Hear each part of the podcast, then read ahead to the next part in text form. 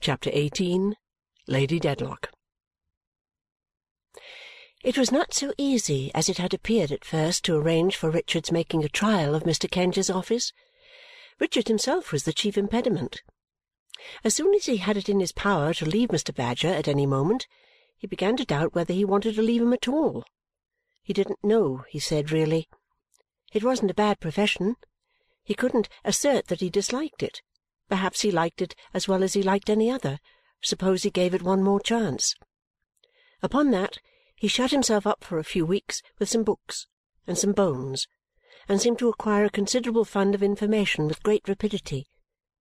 His fervour, after lasting about a month, began to cool, and when it was quite cooled, began to grow warm again. His vacillations between law and medicine lasted so long that midsummer arrived before he finally separated from Mr. Badger and entered on an experimental course of Messrs. Kenge and Carboy. For all his waywardness, he took great credit to himself as being determined to be in earnest, this time, and he was so good-natured throughout and in such high spirits and so fond of Ada that it was very difficult indeed to be otherwise than pleased with him. As to Mr. Jarndyce, who I may mention found the wind much given during this period to stick in the east, as to Mr. Jarndyce, Richard would say to me, he is the finest fellow in the world, Esther. I must be particularly careful, if it were only for his satisfaction, to take myself well to task and have a regular wind-up of this business now. The idea of his taking himself well to task, with that laughing face, and the heedless manner, and with the fancy that everything could catch and nothing could hold, was ludicrously anomalous. However, he told us between whiles that he was doing it to such an extent that he wondered his hair didn't turn grey. His regular wind up of the business was, as I have said, that he went to Mr. Kenge's about midsummer to try how he liked it. All this time he was, in money affairs, what I have described him in a former illustration generous, profuse, wildly careless, but fully persuaded that he was rather calculating and prudent. I happened to say to Ada, in his presence, half jestingly, half seriously, about the time of his going to Mr. Kenge's that he needed to have Fortunatus's purse. He made so light of money, which he answered in his way, "My jewel of a dear cousin, you hear this old woman? Why does she say that? Because I gave eight pounds odd, or whatever it was, for a certain neat waistcoat and buttons a few days ago.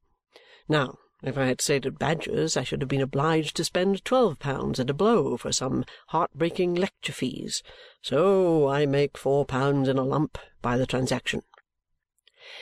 It was a question much discussed between him and my guardian what arrangements should be made for his living in London while he experimented on the law, for we had long since gone back to Bleak House, and it was too far off to admit of his coming there oftener than once a week. My guardian told me that if Richard were to settle down at Mr. Kenge's, he would take some apartments or chambers where we too could occasionally stay for a few days at a time. "But, little woman," he added, rubbing his head very significantly, "he hasn't settled down there yet."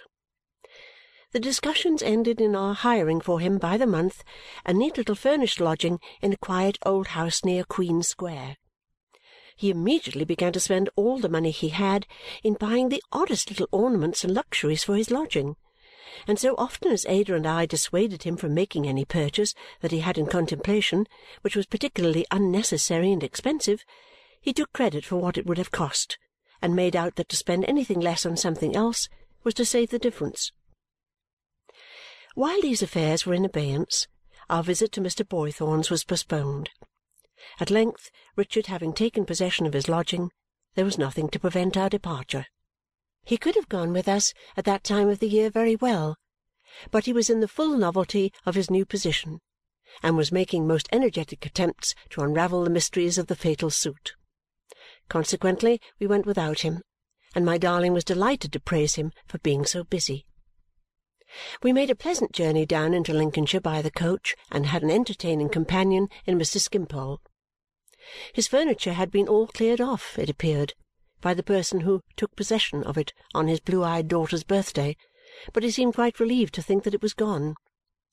Chairs and table, he said, were wearisome objects, they were monotonous ideas, they had no variety of expression, they looked you out of countenance, and you looked them out of countenance. How pleasant, then, to be bound to no particular chairs and tables, but to sport like a butterfly among all the furniture on hire, and to flit from rosewood to mahogany, and from mahogany to walnut, and from this shape to that, as the humour took one. "The oddity of the thing is," said Mr. Skimpole with a quickened sense of the ludicrous, "that my chairs and tables were not paid for and yet my landlord walks off with them as composedly as possible. Now that seems droll. There is something grotesque in it.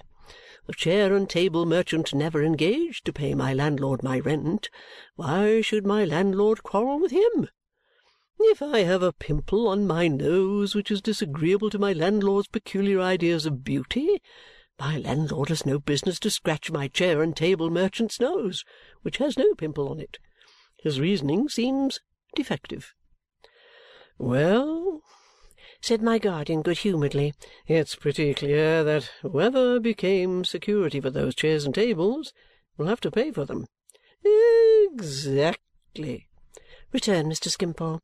"That's the crowning point of unreason in the business. I said to my landlord, 'My good man, you are not aware that my excellent friend Jarndyce will have to pay for those things that you are sweeping off in that indelicate manner? Have you no consideration for HIS property?' He hadn't the least." "And refused all proposals," said my guardian. "Refused all proposals," returned Mr. Skimpole. "I made him business proposals. I had him into my room. I said, 'You are a man of business, I believe?' He replied, 'I am.' 'Very well,' said I. 'Now let us be businesslike. Here is an inkstand, here are pens and paper, here are wafers. What do you want? I have occupied your house for a considerable period, I believe to our mutual satisfaction, until this unpleasant misunderstanding arose. Let us be at once friendly and businesslike. What do you want?' In reply to this, he made use of the figurative expression, which has something Eastern about it, that he had never seen the colour of my money. 'My amiable friend!' said I. 'I never have any money. I never know anything about money.' 'Well, sir,' said he, 'what do you offer if I give you time?' 'My good fellow,' said I, 'I have no idea of time. But you say you are a man of business, and whatever you can suggest to be done in a business-like way with pen and ink and paper and wafers, I am ready to do. Don't pay yourself at another man's expense, which is foolish, but be business-like. However, he wouldn't be, and there was an end of it. If these were some of the inconveniences of Mrs. Skimpole's childhood, it assuredly possessed its advantages too. On the journey he had a very good appetite for such refreshment as came in our way, including a basket of choice hothouse peaches, but never thought of paying for anything. So when the coachman came round for his fee, he presently asked him what he considered a very good fee indeed, now a liberal one, and on his replying half a crown for a single passenger, said it was little enough too, all things considered, and left Mr. Jarndyce to give it to him. It was delightful weather. The green corn waved so beautifully, the larks sang so joyfully, the hedges were so full of wild flowers, the trees were so thickly out in leaf, the bean fields, with the light wind blowing over them, filled the air with such a delicious fragrance.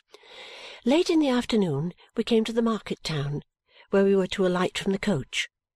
A dull little town with a church spire, and a market-place, and a market-cross, and one intensely sunny street, and a pond with an old horse cooling his legs in it, and a very few men sleepily lying and standing about in narrow little bits of shade.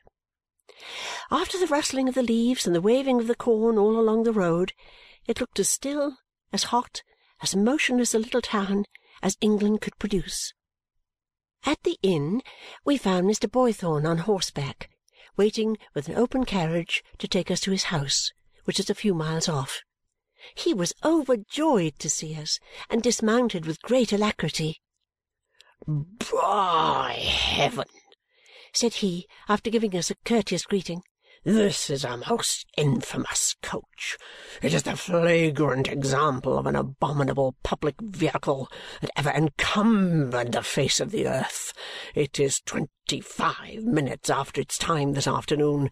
The coachman ought to be put to death. Is he after his time? said Mr. Skimpole, to whom he happened to address himself. You know my infirmity. Twenty-five minutes. Twenty-six minutes, replied Mr. Boythorn, referring to his watch. With two ladies in the coach, this scoundrel has deliberately delayed his arrival six and twenty minutes. Deliberately. It is impossible that it be accidental, but his father and his uncle were the most profligate coachmen that ever sat upon a box. While he said this in tones of the greatest indignation, he handed us into the little phaeton with the utmost gentleness and was all smiles and pleasure. "I'm sorry, ladies," he said, standing bareheaded at the carriage door when all was ready, "that I am obliged to conduct you nearly two miles out of the way, but our direct road lies through Sir Leicester Dedlock's park and in that fellow's property I have sworn never to set foot of mine or horse's foot of mine, pending the present relations between us while I breathe the breath of life." And here, catching my guardian's eye, he broke into one of his tremendous laughs, which seemed to shake even the motionless little market-town. "Are the Dedlocks down here, Lawrence?" said my guardian as we drove along, and Mr. Boythorn trotted on the green turf by the roadside. "Sir Arrogant Numskull is here," replied Mr. Boythorn. Sir Arrogant is here, and I am glad to say has been laid by the heels here. My Lady, in naming whom he always made a courtly gesture, as if particularly to exclude her from any part in the quarrel. "Is expected, I believe, daily. I am not in the least surprised that she postpones her appearance as long as possible. Whatever can have induced that transcendent woman to marry that effigy and figurehead of a baronet is one of the most impenetrable mysteries that ever baffled human inquiry.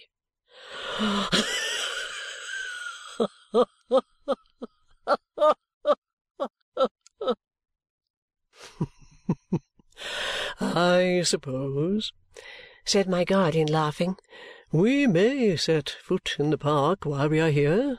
The prohibition does not extend to us, does it? I can lay no prohibition on my guests," he said, bending his head to Ada and me with the smiling politeness which sat so gracefully upon him, "except in the matter of their departure. I am only sorry that I cannot have the happiness of being their escort about Chesney Wold, which is a very fine place. But by the light of this summer day, Jarndyce, if you call upon the owner while you stay with me you are likely to have but a cool reception. He carries himself like an eight-day clock at all times, like one of a race of eight-day clocks in gorgeous cases that never go and never went. ah, but he will have some extra stiffness, I can promise you, for the friends of his friend and neighbour Boythorn. I shall not put him to the proof," said my guardian. "He is as indifferent to the honour of knowing me, I dare say, as I am to the honour of knowing him. The air of the grounds and perhaps such a view of the house as any other sightseer might get are quite enough for me." "Well," said Mr. Boythorn, "I am glad of it on the whole. It's in better keeping. I am looked upon about here as a second Ajax defying the lightning.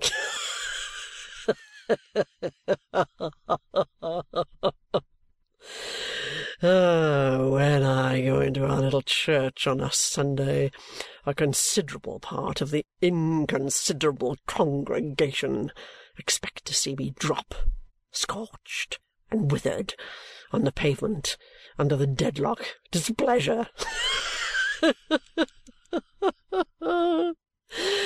I have no doubt he is surprised that I don't, for he is, by heaven, the most self-satisfied, and the shallowest, and the most coxcombical, and utterly brainless ass. Our coming to the ridge of a hill we had been ascending enabled our friend to point out Chesney Wold itself and diverted his attention from its master. It was a picturesque old house in a fine park richly wooded. Among the trees, and not far from the residence, he pointed out the spire of the little church of which he had spoken. Oh, the solemn woods over which the light and shadow travelled swiftly, as if heavenly wings were sweeping on benignant errands through the summer air! The smooth green slopes, the glittering water, the garden where the flowers were so symmetrically arranged, in clusters of the richest colours, how beautiful they looked! The house, with gable and chimney and tower and turret, and dark doorway and broad terrace walk, twining among the balustrades of which, and lying heaped upon the vases, there was one great flush of roses, seemed scarcely real in its light solidity and in the serene and peaceful hush that rested on all around it. To Ada and me that, above all, appeared the pervading influence. On everything, house, garden, terrace green slopes, water, old oaks, fern, moss, woods again, and far away across the openings in the prospect to the distance lying wide before us with a purple bloom upon it, there seemed to be such undisturbed repose.